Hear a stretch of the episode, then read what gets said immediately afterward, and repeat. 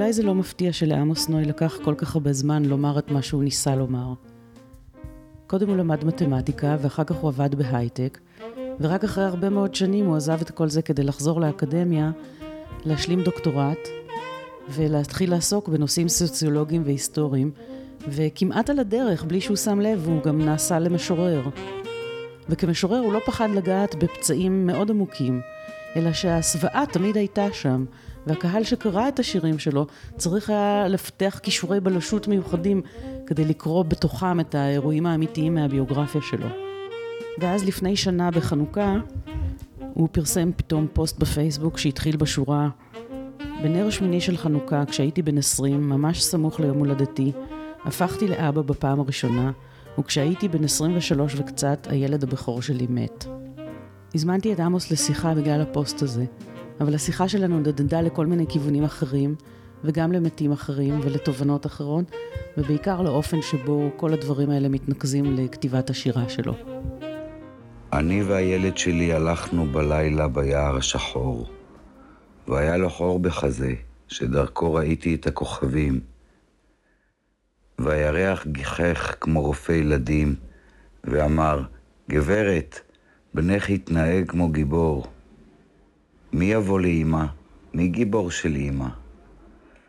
והרוח גיחך כמו יועצת חינוכית, ואמר, גברת, בנך הוא ילד נבון. מי יבוא לאמא? מי נבון של אמא? ונתתי לילד שלי יד כי קצת פחדתי, והוא שאל אותי מתי נגיע. והלכנו והלכנו בין נחשים ועקרבים, והחור שלו בחזה רק גדל וגדל. מי יבוא לאמא? מי רוצה לאמא? ואנחנו לא ביקשנו לנו שום הרפתקאות, ואנחנו לא התפללנו לשום נס מלמעלה. אנחנו רק רצינו לרדת אל הנחל ולהביט בהרדופים עד היום שנמות. יותר קל לי לדבר על הורים מאשר על זה. כן, הורים זה מן הסתם משהו שאנחנו גם אני גם כותב ו... בשלום לאדון העורב, יש הרבה דבר, על חברים, שכאילו על... נכון, יש אצלך הרבה מאוד... אה, ענייני מלחמה, אני כן. דוח של מלחמה, של שתי מלחמות. אה, זהו, אני לא יודעת בכלל בין כמה אתה, ואני... ואני גם לא אגלה לך. אה, כן? יש כן. קטע כזה גם לגברים? לגברים אומרים, אה, ג'נטלמן לא שואל וליידי לא עונה, אז, אז אני ליידי. אוקיי, מותר לך. כן. אה, אבל מזה שאתה מדבר על מלחמת יום כיפור, נכון. אז אני מניחה שאתה, לא שאתה היית במלחמת יום כיפור. זה מה שאני... ואחר כך, כאילו, אחר כך מלחמת לבנון הראשונה, ששם נהרגו לי חברים, כן. ויותר מזה, גם ביום כיפור, שאחי הגדול נפצע קשה, אחי הגדול נפצע שלוש פעמים קשה. פעם אחת שהוא היה בשמינית עם אופנוע, צדק בגולגולת וזה, וגם כן. אחר כך הוא איכשהו התאושש מזה, והלך ללמוד, והלך והתנדב לצבא, משהו לצבא, ונהיה, ובמלחמת יום כיפור הוא נפצע. קשה, נכנס לו רסיס בגרון, ופעם שלישית, לפני שלוש ומשהו שנים, הוא נהיה טייס חובב, והוא הייתה לו נחיתת אונס, הוא התרסק בהרצליה, גב שלו התרסק, אמרו לא ילך, הוא סבבה עכשיו, ושם יש בשלום לאדון העורב שיר עליו, דוהר על כיסא גלגלים, אך פניו מועדות לכוכבים, שזה האח שלי. שאתה רואה אותו ממשיך בהרפתקאותיו עכשיו? הוא ממשיך. אני, אני רואה אותו, הוא קצת מסתיר, אבל הוא ממשיך. כן.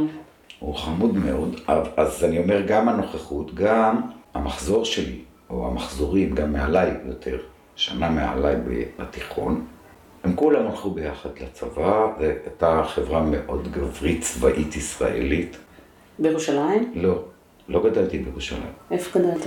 ועד גיל חמש הייתי בבני ברק, ואחר כך ברמת השרון. האתוס הזה של צבאיות, שמאוד אה, היה לי קשה איתו. אין לי שום, בגיל 17 עזבתי את אה, רמת השרון, ועברתי לירושלים. ואז עוד לא היה טלפון נייד, היה פנקס כתובות, פנקס טלפוני, זרקתי אותו לפח. הלכתי, לא רציתי, ואכן אין לי קשר עם אף אחד מה, מהגילים האלה. כלום. שהיו לו משפחה או משהו. בגלל הפייסבוק ובשנים האחרונות יש כמה שצצו וחזרו וחידשו איתי קשר, ואולי גם אני פחות עשיתי איקס על הדבר הזה, וקרו דברים מאוד מעניינים אה, בהקשר הזה. למשל, כתבתי על אמא שלי, היו 700 ילדים ביסודי ובתיכון, רק ההורים שלי התגרשו. עכשיו, הקטע הוא שאני כתבתי על אמא שלי ועל הגירושים שלה. זה גם כתם עליה, וזה מצד שני, אני מבין היום, היא האישה, היא האישה הראשונה שעשתה רישיון בשכונה. עשתה תואר ראשון, במאמצים עצומים, אה, כאילו, היא, היא, בניסיון לשרוד, כן? היא הייתה אישה חזקה מאוד, וגם גיליתי מחברות שלה, צעירות בהרבה ממנה, שהייתה מין אה, כתובת לנשים, כן? שלא ידעתי את זה. כי הייתה, בבית היא הייתה מאוד אישה מרה וקשה. גם היא הייתה בת 42, סוף החיים, גרושה בת 42, זה היה סוף אחרי 18 שנות... לא היה לה חבר, לא, אני, לא, אני חושב שהיא לא הלכה יד ביד עם גבר מאז, כלום. ולא הכל הבנתי אז. נגיד, יש דברים שאני מבין בדיעבד ואני מאוד מצטער. למשל, אני אוהב את אליס מונרו, כי היא אהבה את אליס מונרו. אהבה את דוריס לסינג. עכשיו... היה לה טעם משובח בספרות. אז לא רק טעם, טעם מסובך בספרות העוסקת בנשים ונכתבת על ידי נשים. כן. ולא הבנתי את זה. כי היא לא הייתה אישה של אידיאולוגיות. אבל אה, גלשתי באמת לעניין אחר של הגירושים, אז אני אומר, הלכתי, אז כל זה היה בשביל לספר סיפור. שיש אחד שאהבתי, החבר הראשון שלי בשכונה, כשבאתי, זה שכשבכיתה א' באתי לכיתה, אז הוא ניגש אליי ושאל אותי אם אני רוצה להצטרף אליהם או משהו כאילו.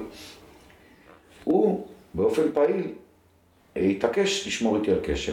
וגם הוא כתב לי דברים על הספר הראשון שיש בו הרבה דברים ביוגרפיים, והוא שנים היה מזמין אותי לערב יום העצמאות אצלו, שזה בדירה מפוארת בלב תל אביב, אבל כאילו בטעם טוב מאוד, עם קייטרינג טוב, אני אמרתי לו, זה לא כל כך המשכתי לזה.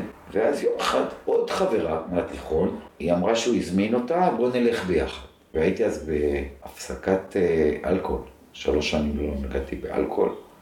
אמרתי, אני לא אעשה בושות, אני לא אעשה פדיחות. וגם יש לי, היה לי אשליות ביחס לבורגנים.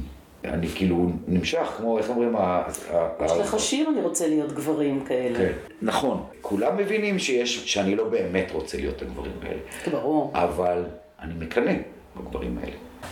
באתי לערב הזה, וזה זה יום הזיכרון, ואז הוא הופך להיות יום העצמאות. באמת קייטרינג משובח, הכל זה, אנשים. הגברים מדברים, בצחוקים וזה. והנשים יושבות ליד הגברים. בכלל זה, אני חושב הרבה על הדבר הזה, שהחבורות האלה של זוגות, השלט שלהם זה הגברים. הגברים הם חברים מאיזה מקום ומצטרפים. מעט מאוד נשים יביאו את הבן זוג שלהם לחברות. כי אנחנו לא רוצות אותם נכון, שם. נכון, נכון. החבר שהביא אותי, קודם כל כולם שמעו עליי. אחת אמרה לי, אתה קיים? חשבתי שאתה אגדה. אמרתי לה, אני חושש שאני באמת אגדה, ושהוא תלה עליי כל סיפור מצחיק שהוא זכר, אמר על, על עמו. הוא הביא אותי והוא התחיל בדבר הזה של למשוך אותי לאיזה פינג פונג של אנקדוטות משעשעות ונוסטלגיות מהילדות. אין לי כזאת נוסטלגיה, ונכון, היו הרבה דברים מצחיקים, והוא גם הזכיר, היו צוחקים על האוטו של אמא שלי. כל שהיא גירדה כסף לקנות איזה אוטו דף שהיה עושה רעש כמו פח, וכל פעם שהיו שומעים פח דופק או איזה רעש כזה, אומרים לי, עמוס אמא שלך בא. הוא נזכר בזה מכל הדברים, עם המצב רוח שהייתי. אני כל הזמן גם מסתכל, אומר כאילו, אם הייתי שותה אז לפחות הייתי הולך לאיזה פינה. הוא אומר לי, והאוטו הדף של אמא שלך וזה וזה וזה. אז הסתכלתי, אמרתי לו, כן, עבדה אה, קשה בשביל האוטו הזה. הוא, גם, גם ההורים שלו היו מאוד מבוססים של הבחור הזה. אמרתי לו, ובכלל שמת לב, ואמרתי לו את מה שאמרתי לך, שהיינו 700 ילדים בשני הבתי ספר, ורק אמא שלי הייתה גרושה. פתאום נהיה שקט, ואני חשבתי, ולא עשיתי את זה בתוקפנות, זה לא ש... אבל אמרתי, אמרתי לעצמי בלב, אנחנו אנשים מבוגרים, ואנחנו אנשים, אה, למדנו דבר או שניים בחיים. בואו נפנה את המבט הבוגר גם לזיכרונות, לא הכל זה נוסטלגיה מתוקה, בואו נבין את זה מחדש. זה כמו באמירה אחרת, אני מבין בדיעבד, והאמת שאני הבנתי גם אז, שהמורה להתאבדות בבית ספר סודי היה קצת פדופיל. המבט שלו היה סליזי על בנות. עכשיו הוא נפטר, ובאיזה קבוצה נוסטלגית התחילו להשתפך עליו וזה וזה. אז כאילו יש משהו בנוסטלגיה, גם הקולקטיבית, שהוא כל כך לא ביקורתי. קיצור, אמרתי לו, התייסמתי לו שם, קודם כל נהיה שקט, כי פתאום אני לא במשחק המשעשע של העלאת זיכרונות, איך, מה עשינו למוראים ומה עשינו לזה, והוא כזה חשב, אמר וואלה נכון, ואז פתאום השיחה לבשה בכלל מפנה, וזה אני אגיד, אגיד במלוא האחריות, כמו שאומרים, שפת הגוף של אנשים השתנתה, הם באו לשולחן, יום הזיכרון נגמר, כל הסיפורים וכל הזה, אין שם של אחד מהשמונה שנפלו מהמחזור מעליי, שכאילו השכן, אז... ולא רק זה, אני אומר לך, זה לא אמרתי שם. את יודעת כמה הלכו לשלוותה ליותר משנתיים? אז הם כאילו השאירו אותם בצידי הדרך. הנוסטלגיה והזיכרון הקולקטיבי, הוא זוכר את הצחוקים, הוא זוכר הוואי. אמרתי, תראו, עכשיו היה יום הזיכרון, אנחנו מעלים זיכרונות ואנחנו כאילו עוקפים, יש חור שחור באמצע הזיכרונות שלנו. אז אמרתי, שם, ההרוג הראשון שבמלחמת יום כיפור היה בחור מהשכונה שלנו, שישב על הגג בנ"מ בשארם, ובהתקפה הראשונה, בשתיים, או אני יודע מה שזה היה, הטיל הראשון שהמצרים ירו בשביל נגד, המ... הוא נהרג. הוא היה מין אליל כזה, בחור כזה שהיה פרוע נורא, והוא היה חבר של אחות של מישהו שהיה שם. אמרתי, איך אנחנו, איך אנחנו מצליחים לא להגיד, לדבר על זה? ואז, כמו שאמרתי על שפת הגוף של אנשים, אז אנשים בשיחה.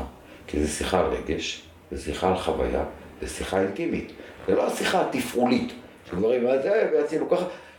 גברים יש להם דיבור תפעולי, אני חושב פעם שאני אהיה גדול אה, לכתוב מאמר על המוד, המוד הדיבורי הזה.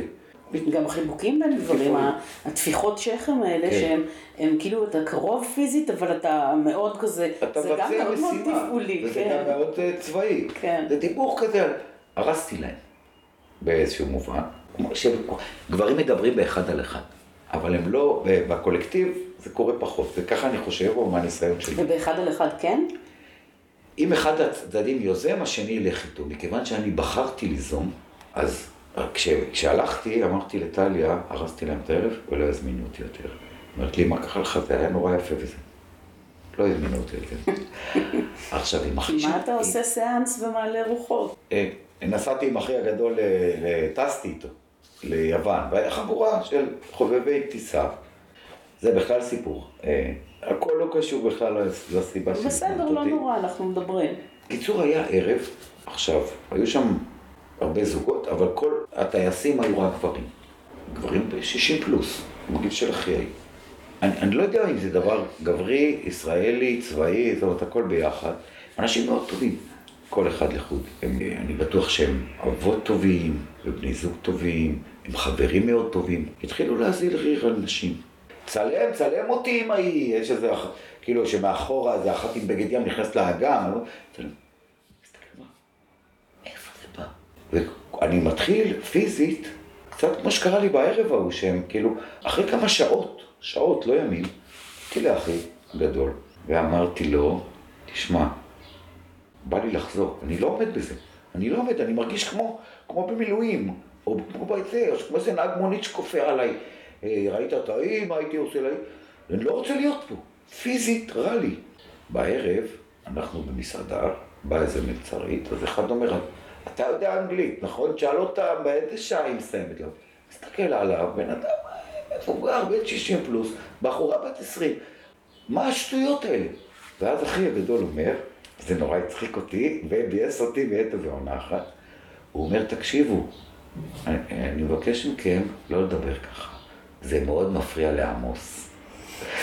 זאת אומרת, כאילו, יש לי בעיה פסיכולוגית, אז תתחשבו בו. הטאבו על אבל... אתה חושב שהוא חלק מזה? שהוא כן. חלק מהחספוס הזה, של אנחנו לא ניגע בשום דבר שעלול להביא אותנו לאיזה מקום רגיש, פגיע? אני לא יודע. התיאור שלך הוא קצת שבלוני. כן? נכון. זאת אומרת, של גברות שבלונית. זה לא זה מה שאני רוצה להגיד. גם אני אגיד לך יותר מזה. האבל הישראלי, השכול, זה עומד בחדר. כשאנשים מהדור שלי נפגשים, זה עומד בחדר. הלכתי פעם אחת, אחי הגדול גם גרר אותי לכנס מחזורים של בית ספר לדורותיו. זה עמד באוויר. אתה מדבר, וזה עומד, השתיקה. בא איזה חבר שלי שעזב את הארץ אחרי סולטן יעקב. הוא עשרים ומשהו שנה ארה"ב. נפגשנו, רק צחוקים, קפה, זיכרונות. התחושה שלי זה שהחור השחור הזה שהולכים סביבו, הוא נוכח, שנינו יודעים, ולא נדבר עליו לעולם. מבחינה הזאת אצלך כתיבה של שירה נגיד, שם זה, זה הדרך שלך להתמודד, הכתיבה היא איזה, כששמים את זה, כשלוכדים רגש ב, באיזה שורה שהיא מאוד אה, יפה ומסודרת, זה דרך להתמודד עם הרגש שהם באמת מאחורי זה? קודם כל כן. וניסיתי להיזכר, בספר שלום לאדון העורב, העורך אלי הירש כתב משהו שאני לא חשבתי עליו. אה, אמרו לי לא פעם, גם זה שירים שבתוכם אין נחמה. אתה נשאר עם הרגשה רעה, כאילו. הוא כתב, הנחמה היא בעצם הכתיבה, או במוזיקליות. זה נכון, הבנתי, אחרי שהוא כתב הבנתי את זה. זה באמת העובדה שאתה יכול להפוך כאב לשיר, מנחמת כשלעצמה. ואני רוצה לומר לך שכקוראת, הקריאה של שיר כזה, אפילו שהוא לא מציע בסופו של דבר כן. שום דבר חוץ מאשר להראות לי את הכאב שלך, יש בה איזה נחמה בגלל החיבור הרגשי בינינו משני צידי המילים האלה. אז זה מאוד נכון. וגם הדבר הזה ששמתי במילים, היה לי איזה רגע בחיים שאמרתי אני, אני אגיד, אני אגיד, וזה לא רק בשירה. עם אמא שלי למשל, דבר שאני מאוד מתחרט עליו, עשיתי את זה רק בסוף ימיה, ממש בבית חולים. ששאלתי אותה אם היא הוטרדה מינית. לא צריך לשאול בשביל לדעת, אבל כן, כן רציתי לשאול אותה.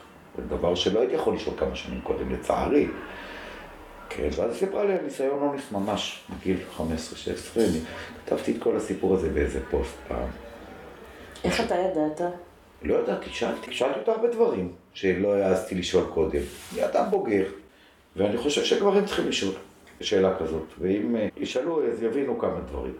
ותיארה את כל הסיפור, גם סיפור מאוד טיפוסי, כי הציע לה טרמפ מישהו מהשכונה שהם הכירו טוב, שהיה בן בית. והיה לו אופנוע, אז הציע לה טרמפ מרמת גן, שהיו הולכים ברגל או משהו, לבני ברק או מי, לא יודע, ולא היה קסדות אז ולא חובת קסדות. הוא היה נוסע עם כובע פלדה ממלחמת העולם, כזה, אז הוא נתן לאבי השואה. הוא חתך לפרדס בג'מוסין. אמר לה, בוא, נאכל תפוזים וזה, ירדו, קפץ עליה. היא לקחה את הקסדה, נתנה לו בראש בכל הכוח, הוא כנראה התעלף, רצה הבית, רצה עד בני ברק, רצה, לא סיפרה לאף אחד.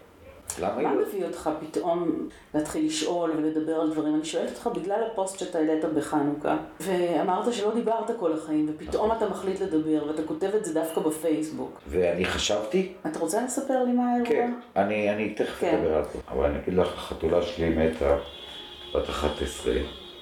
איך קראו לה? קראו לה וישקי. יש סיפור מאחורי השם שלו, לא.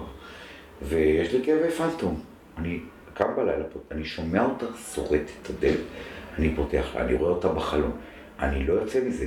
ואני אגיד לך משהו, ראיתי מאמר בהארץ לפני שבועיים על התיאוריית השלבים של האבל, שהיום פסיכולוגים נוטים לחשוב שזה לא נכון. והקשקוש, מה זה הקשקוש הזה? מה אנחנו... גם כן, זה דיבור תפעולי של פסיכולוגיה נכון, תפעולית. כן. מה זה השלבים? יהיה לך כאבי פנטום כל החיים. כשאימא שלי מתה, אמרתי לאחי, הייתה יד שהחזיקה את הבלונים, נפתחה. בלונים עפים. הייתה שם יד. הבלון לא מרגיש את היד, אבל היא שם, כן? זה שאתה יודע שיש בעולם את המקום הזה, או את הבית הזה, אני פירקתי את הבית של אבא שלי. לקח לי שלוש שנים, לא הצלחתי. השתגעתי. השתגעתי גם במיוחד, כי אבא שלי היה חוקר ומלומד, והיה צריך לטפל בארכיון, ובששת אתה חוקר באותו תחום עכשיו, אז אני מניחה ש... אז כל נייר עניין אותי. כן, בדיוק. וזה, אבל גם הביוגרפיה וזה. זה שמה שנשאר מבן אדם זה אוסף דוקומנטי, אה, טקסטים, כאילו ניירות. לא עמדתי בזה. לא. אני רוצה לומר לך שכשהוריי נפטרו באמת בזה אחר זה, אני העפתי מביתי שלי, תעזוב את הדירה שלהם שהיינו צריכים לפרק, מהבית שלי אלבומי תמונות, מסמכים, מכתבים, המון דברים שאגרתי, כי פתאום זה היה נראה לי כל כך מיותר. כן, מה אני אעשה עם זה? זה כאילו, זה, זה מין אז בסוף גם אחי בא וחילל, הקטן, אבא שלי התחתן שוב ויש לי אח קטן, שקוראים לו חיים, ואחי הגדול קוראים לי זהר. זה שם יפה זה. מאוד, מאוד. בכל אופן, הפוסט שהעליתי, הייתי בטוח, אני אתחרט עליו. וכבר קרה לי בחיים שהעליתי פוסט והורדתי אחרי דקות, כולל שיר. ושלום לאדון העורב, יש שיר, נקרא סדר פסח כהלכתו. אני העליתי אותו, ורחל, הזוג שלי, מאוד התבאס. אמרה לי, למה אתה מעלה את זה? אמרתי לה, זה פייסבוק, זה כמו שאני אפרסם בספר, או ב... אמרה לי, זה לא אותו דבר. ספר מיועד לאוהבי שירה, מי שפתח את הספר, יש לו את הספר שלך, אז הוא כבר... אם משהו, היא נתנה לי להרגיש רע מהחשיפה. אגב, זה גם האופי שלה, שהיא לא אוהבת את העיסוק שלי בכאב. זה לא בכבוד שלה, כמו שאומרים. היא חושבת שזה לא עניין ציבורי. אני לא חושב שהיא חושבת שאני מתפלש בזה או משתמש בזה באופן כמעט מניפולטיבי, זה אני לא חושב. אף פעם לא, לא דיברתי איתה על זה. היא למדה לחיות עם זה, גם אני למדתי לחיות עם זה שהתחלתי, כי אני, אני משורר. אצל שלומי חתוקה, באתי לאולפן, להתראיין על שלום הוא אומר, נמצא איתנו המשורר עמוס נוי. תסתכל אחורה, איפה המשורר עמוס נוי? לא הבנתי, לא, לא, הייתי בהייטק, אז יש לי דוקטורט, זה טבעי לי לכתוב. כן. אני לא יכול לכתוב המשורר. פתאום אני רואה איזה מישהו כתוב המשורר ופעיל חברתי, לא מרגיש משורר. למה? קראתי את המאמר שלך על גופיקו, אתה בהחלט פעיל חברתי. עכשיו, אני יכול לכתוב משורר. עבר לי מספיק זמן. זה גם קשור עם הדיבור. כשאני התחתנתי מאוד מאוד צעיר, פחות מ-20, ונולד לי ילד, והוא נפתח כשהוא היה בן שלוש. וזה כאילו משהו שסחבתי, ולא דיברתי עליו.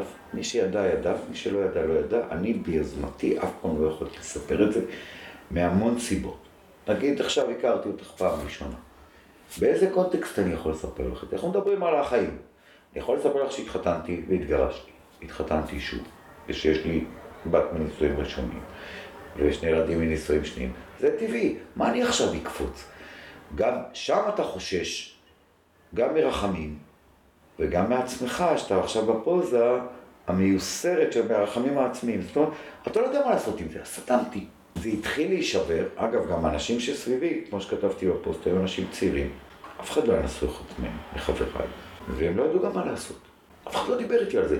רגע, אבל הייתה, זה היה משהו שהיה צפוי או זה היה... כן, ב... זה היה משהו שהיה צפוי. הוא חלה, וההתפתחות שלו נעצרה. כתינוק, אני לא הבנתי את זה. אני הייתי טמבל, הייתי נורא נורא צעיר. לא הבנתי את זה, אבל זה היה צפוי. אז גם, אז גם בתקופה שמובילה לזה, לא, לא שותפים לזה חברים? כלום. אה, כלום. כי אתם לא משתפים, או כי אנשים תשמעי, עוברים בצד השני של הכביש כשהם רואים מישהו שקורה? אשתי הראשונה ואני, כבר אחרי שנפרדנו, חשבנו ללכת לטיפול זוגי. הלכנו לפסיכולוג נהדר, נגענו בנושא הזה, פתאום ראיתי על הפנים שלו פסיכולוג תדהמה, תדהמה. הוא מסתכל ככה, זה פעם ראשונה שאתם מדברים על זה ביניכם?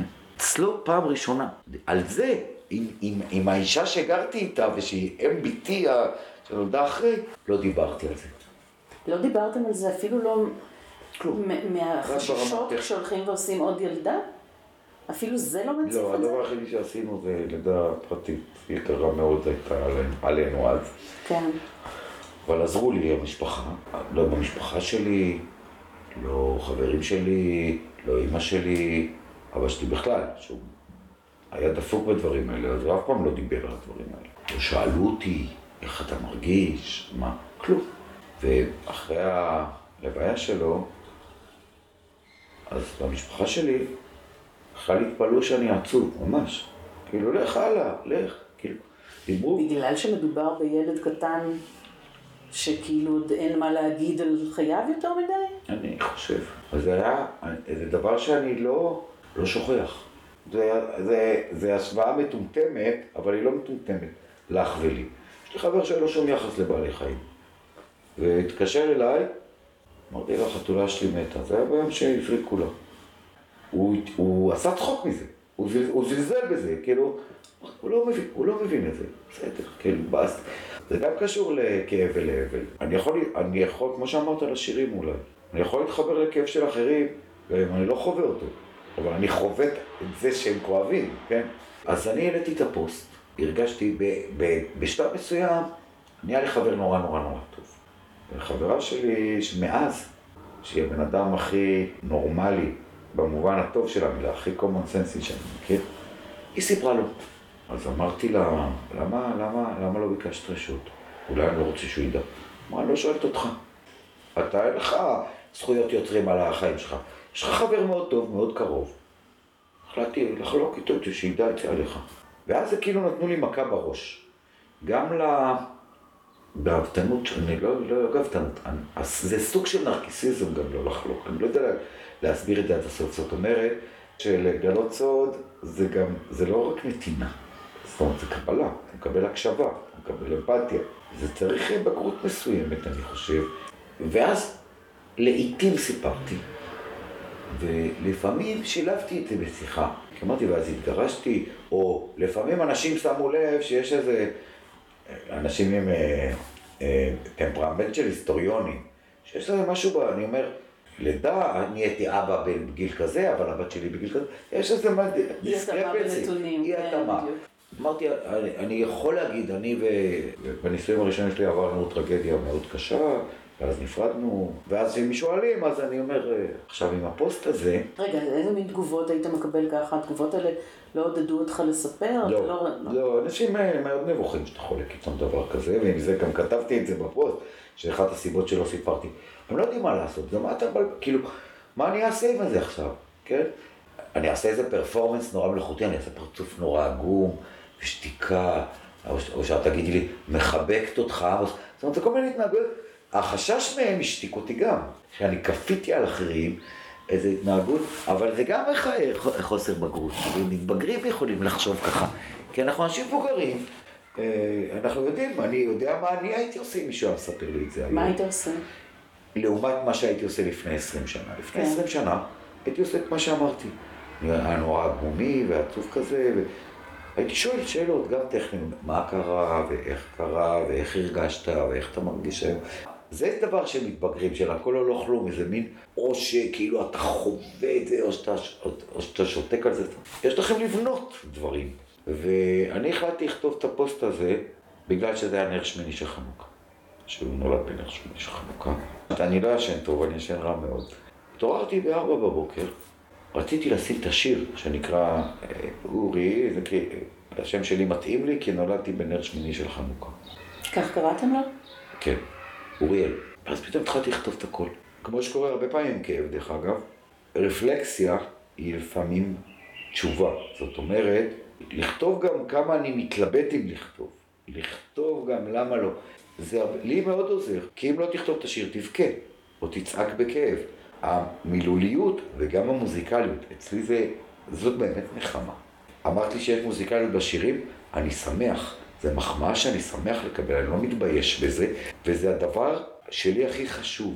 ובכלל אני חושב ששירה זה מילים שמנסות להיות מוזיקה. אני חושבת שבשירה שלך יש המון, אה, אה, מאוד מרגישים את החומריות של השפה. זאת אומרת, מעבר לנרטיב שעולה מתוך שיר. אני מאוד שמח שאת אומרת את זה, כי לפעמים, אני יודע מה, יש לך איזה קצב ופתאום נשברת השורה. נשברת השורה כי גם אתה נשבר. כן. וזה, אחי הגדול, נתתי לו את הספר הראשון, הספר הראשון בכלל חילקתי, נתתי, אף אחד לא הגיב. הלם. אחי הגדול התקשר אליי בבוקר, אומר קראתי ובכיתי. ההתייחסות היחידה שלו מבחינתו, זה אם הייתי כותב אוטוביוגרפיה בפרוזה, או שירים זה אותו דבר. עניין אותו רק הנרטיב. הוא אומר לי, תגיד, היית בן שנה, איך אתה זוכר את זה? נגיד את הקטע של הסדר פסח, כן. שהיה שם אלימות, כן? שברו דברים. הוא אומר, זה קרה לפני שנולדת. זה כל מה שהוא ראה. כן, עכשיו אני לא אומר את זה לגנותו או לגנותי, גם אני בכלל לא מרגיש אה, אחראי על השירים, על הקריאות של השירים שלי. אמרתי לו, היה לי עורב בכלוב.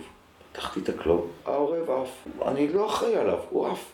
יש מי שיבוא ויגיד, ראיתי ציפורה בת יופי, ויש מי שיגיד, העורב שלך חרבן לי על הראש. זה, זה ביניכם לבין העורב. אני חושב ששירה נוצרת בין הגלוי והמרומז והעמום והבדוי והנשתק. וזה המינון. אבל אני אחזור רגע לפוסט. שמתי את הפוסט. אני מניחה שקיבלת שם הרבה תגובות בדיוק כאלה של אני מחבקת אותך, אני מחבקת אותך. אנשים זרים שבכלל לא... כי מה, כי מה אני אגיד? אבל מצד שני, קיבלתי תגובות בפרטי. קודם כל לא התחרטתי. מאז ועד היום אני לא מתחרט שהעליתי את זה. עשיתי פח, הייתי בטוח שאני אתחרט. וגם כתבה לי מישהי שבעצמה חוותה טרגדיה איומה, היא כתבה לי, ובטח עכשיו שאתה קורא את התגובות, אתה, זה עוד יותר מדכא אותך. כאילו, הניסיון לנחם, וזה לא נכון, היא לא צדקה. אני שלם עם, עם מה שעשיתי. בפרטי קיבלתי תגובות. בכיתי. אחת אומרת, נתת לי אומץ לספר את הסוד שלי. וגם יש כאילו, דיברתי על הסוד ועל לפתוח סוד, ושלפתוח סוד, זה מה שאמרתי קודם על נתינה וקבלה. אני חושב שזה נרקיסיזם של גיל ההתבגרות. אם אני מגלה לך סוד אינטימי, אז, אז, אז זה נתינה, נתתי לך משהו. לא, אני מקבל.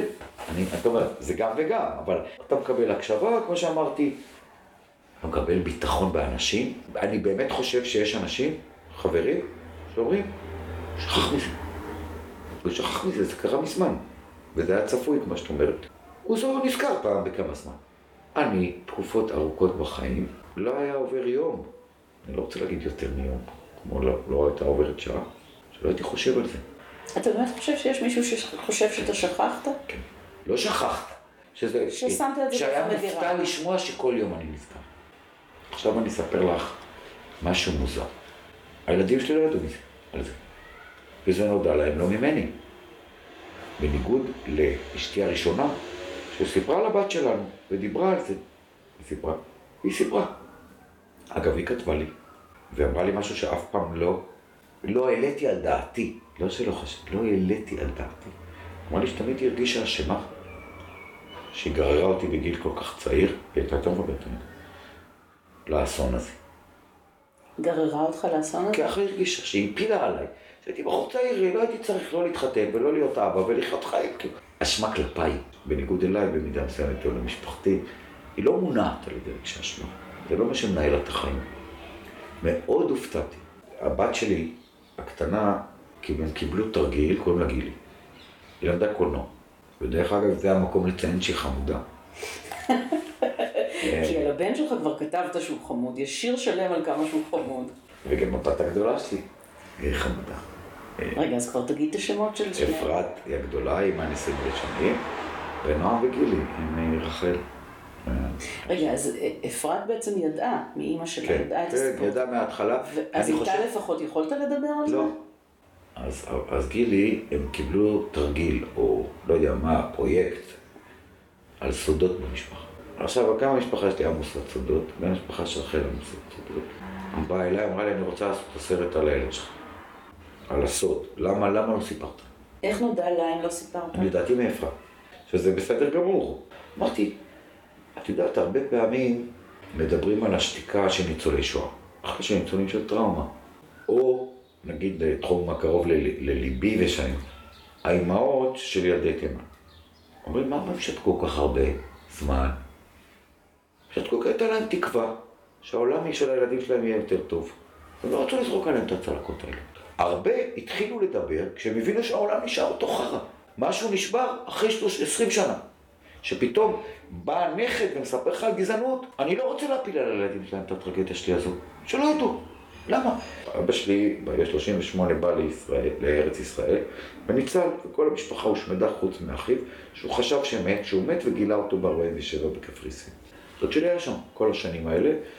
הסבתא, כשבאו לקחת את היהודים, גירשה אותו ליערות. אמרה לו, אנחנו לא נחזור, אבל אתה תדע. אז הוא לא דיבר עם אף אחד, על כלום. אה, אף פעם.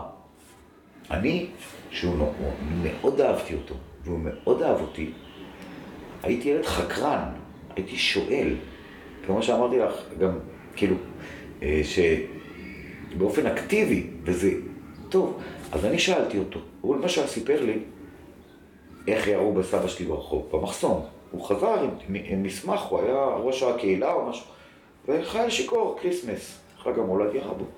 אז לי הוא סיפר כי אני שאלתי. הוא הוציא חוברת, לא משנה עם הרבה שירים, באתי עם אבא שלי לבקר אותו, והוא נתן לו את החוברת, ואז פתאום אבא שלי נהיה חיוור, וההוא נהיה אדום, והאישה של דודה שלי רצה להביא להם מים, וזה, וכמו שהפסיכולוג אמר לי ולאשתי, אני מסתכל עליו. פעם ראשונה, פעם ראשונה אחרי 50 שנה, שאח מספר לאחיו איך האבא מת. אבא שלי לא ידע. זה לא נתפס, זה דבר לא נתפס. הלוא מה השאלה הראשונה? נפגשתם ב-47 במחנות בקפריסין. אני הייתי, שלא נדע מצרות, כן? הייתי פוגש את אחי במצב כזה, תספר, תספר מה היה, מה אתה סתם, מה זה עשה? הוא לא ידע. כאילו, הסתכלתי על זה, הוא לא, הוא, כאילו עכשיו אני מכיר את דוד שלי.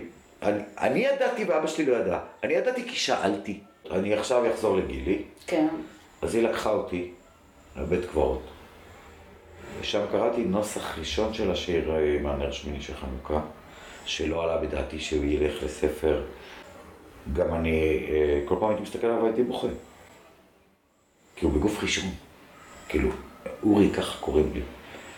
היא לא הייתה סנטימנטלית, ולדעתי גם לא העריכה את השיר הזה כשיר. היא לא מראה לי את הסרט הזה. זה סימן שהיא חושבת שהוא לא טוב, זה לא סימן שהיא חושבת שזה יפגע בי. וזו פעם ראשונה שדיברתי על זה בצורה עניינית, כי היא ראיינה אותי, כמו שאת עושה, אבל היא כאילו בפרויקט, כאילו, היא התמקדה בשאלת הסוד, לא בשאלת מה קרה, אלא למה הסתרת. למה ומה חשבת ולא חשבת שצריך לספר לנו ולמי כן סיפרת. אבל זה שהיא לקחה אותי לבית קברות, זעזע אותי, זאת אומרת, טלטל אותי. זה לא מקום שנהגת לפקוד? נהגתי לפקוד, אבל לא ב... לבד. בכמה פעמים אירועים בחיים שלי, לבית קברות לאמא שלי. אף אחד לא יודע את זה. אני הבן אדם הראשון שאני מספר לו את זה. קדיש, לפעמים אני לא אומר קדיש, לפעמים מדבר איתה. אנחנו, יש אצל רחל במשפחה, הולכים הרבה לקברים. העלייה לקבר בתאריכים מסוימים, והשבעה והזוכרות, זה באמת איזה קביים שנותנים לנו. חז"ל אומרים, כאילו, אתה בעצם צריך מבחינת המצווה רק, רק בשנה, שזה בעצם 11 חודש. והם כותבים חזקה על המת שישתכח מן הלב. בשביל שנוכל להמשיך לחיות? כן, כן, זאת אומרת, והשתמשתי בזה בעשה על האבא שמתאבד על הבן שלו בקריית שאול, מי שלא זיהה את הבית קברות הצבאי הזה, הארור הזה, שגם אני מוצא אותו חוזר לי בשירים. אתה רוצה לקרוא אולי איזשהו שיר? זה שיר שיש בו גם אבל, והוא קשור לדברים שאמרתי על אמא שלי. זה שיר שהאחי הגדול המסכן, שלא יודע מאיפה זה בא לו, פשוט בכה. ואני אגיד שהיה פעם שיר שאברהם חלפי כתב את המילים, שאימא שלי מאוד אהבה. אוי חבל חבל חבל שגם אני אינני כד. מכירה, זוכרת שיר כזה? לא. אני יכול לשיר לך אותו. אוי חבל חבל שגם אני אינני כד. זה שיר אהבה. אה, שהוא ראה תמונה בעיתון במחנה של איזה אה, צעירה שותה מכד חרס ככה. והוא כתב, אה, ראיתי חלקד צמוד אל השפתיים ואני שרוי על משלתי בדד. את בצימונך שתית ממנו מים, אוי חבל חבל שגם אני אינני כאן.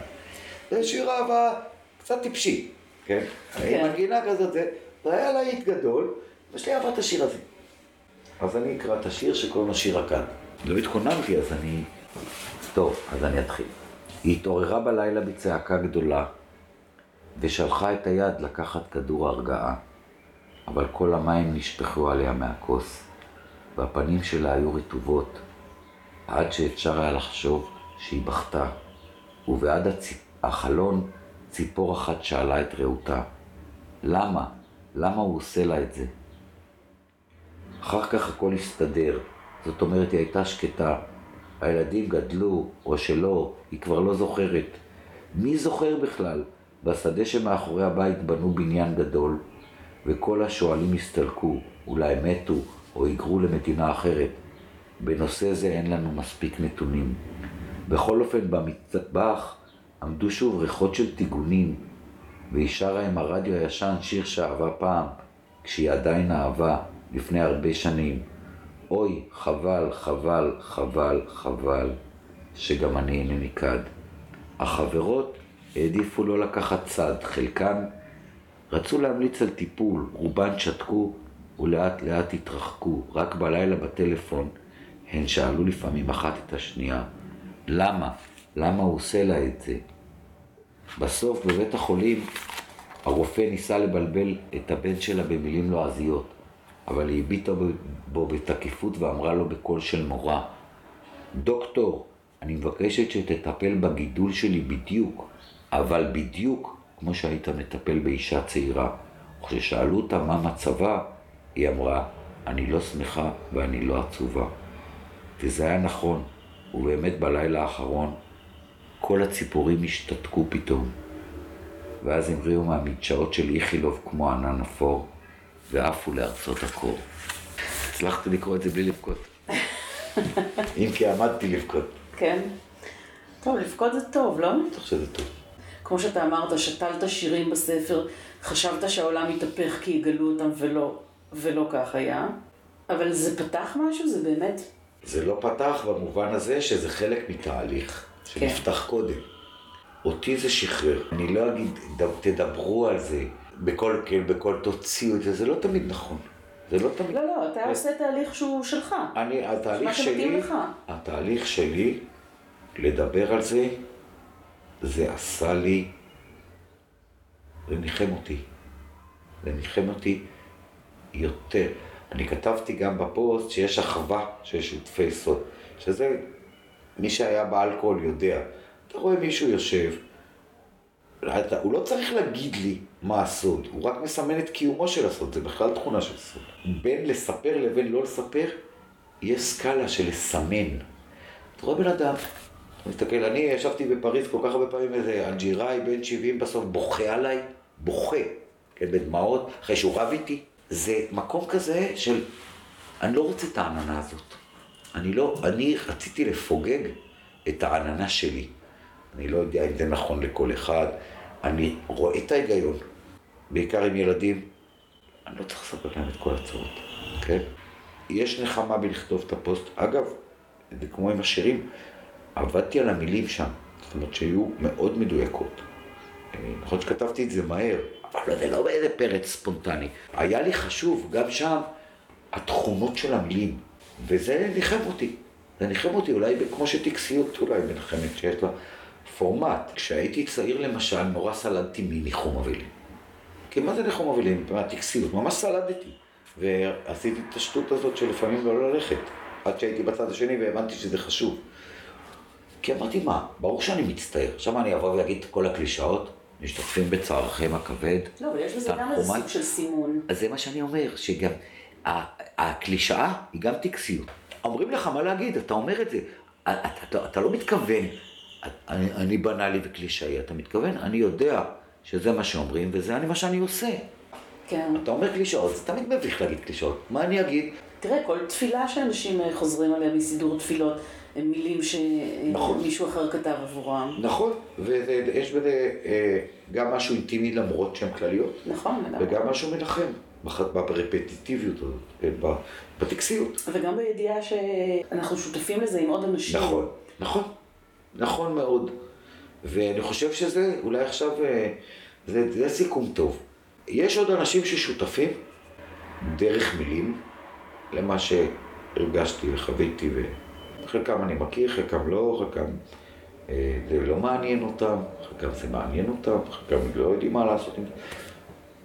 הידיעה ששמתי את זה במקום כזה, מאוד מאוד מקלה עליי. זה לא היה פוסט, זה פוסט שהוביל לשיר. אם היה לי את הפוסט הזה בלי שיר, יש מצב שהייתי מתחרט. כי זה להתבכיין, כאילו. מכיוון שהוא מוביל לשיר, שיר זה שיר, זה יצירה. אז כאילו, אם הייתי כותב סימפוניה, גם מאלר כתב אה, מטה או בת, הוא כתב אה, יצירה גדולה על מות ילדים. אף אחד לא אמר מאלר מתבכיין. כי היצירה היא שם. אני שמחה לשמוע שזה הקל עליך, ואני נורא נורא מודה לך ששיתפת אותי, זה באמת כל כך לא מובן מאליו וכל כך... תודה רבה לך. ממש הכרת תודה גדולה על זה. תודה רבה.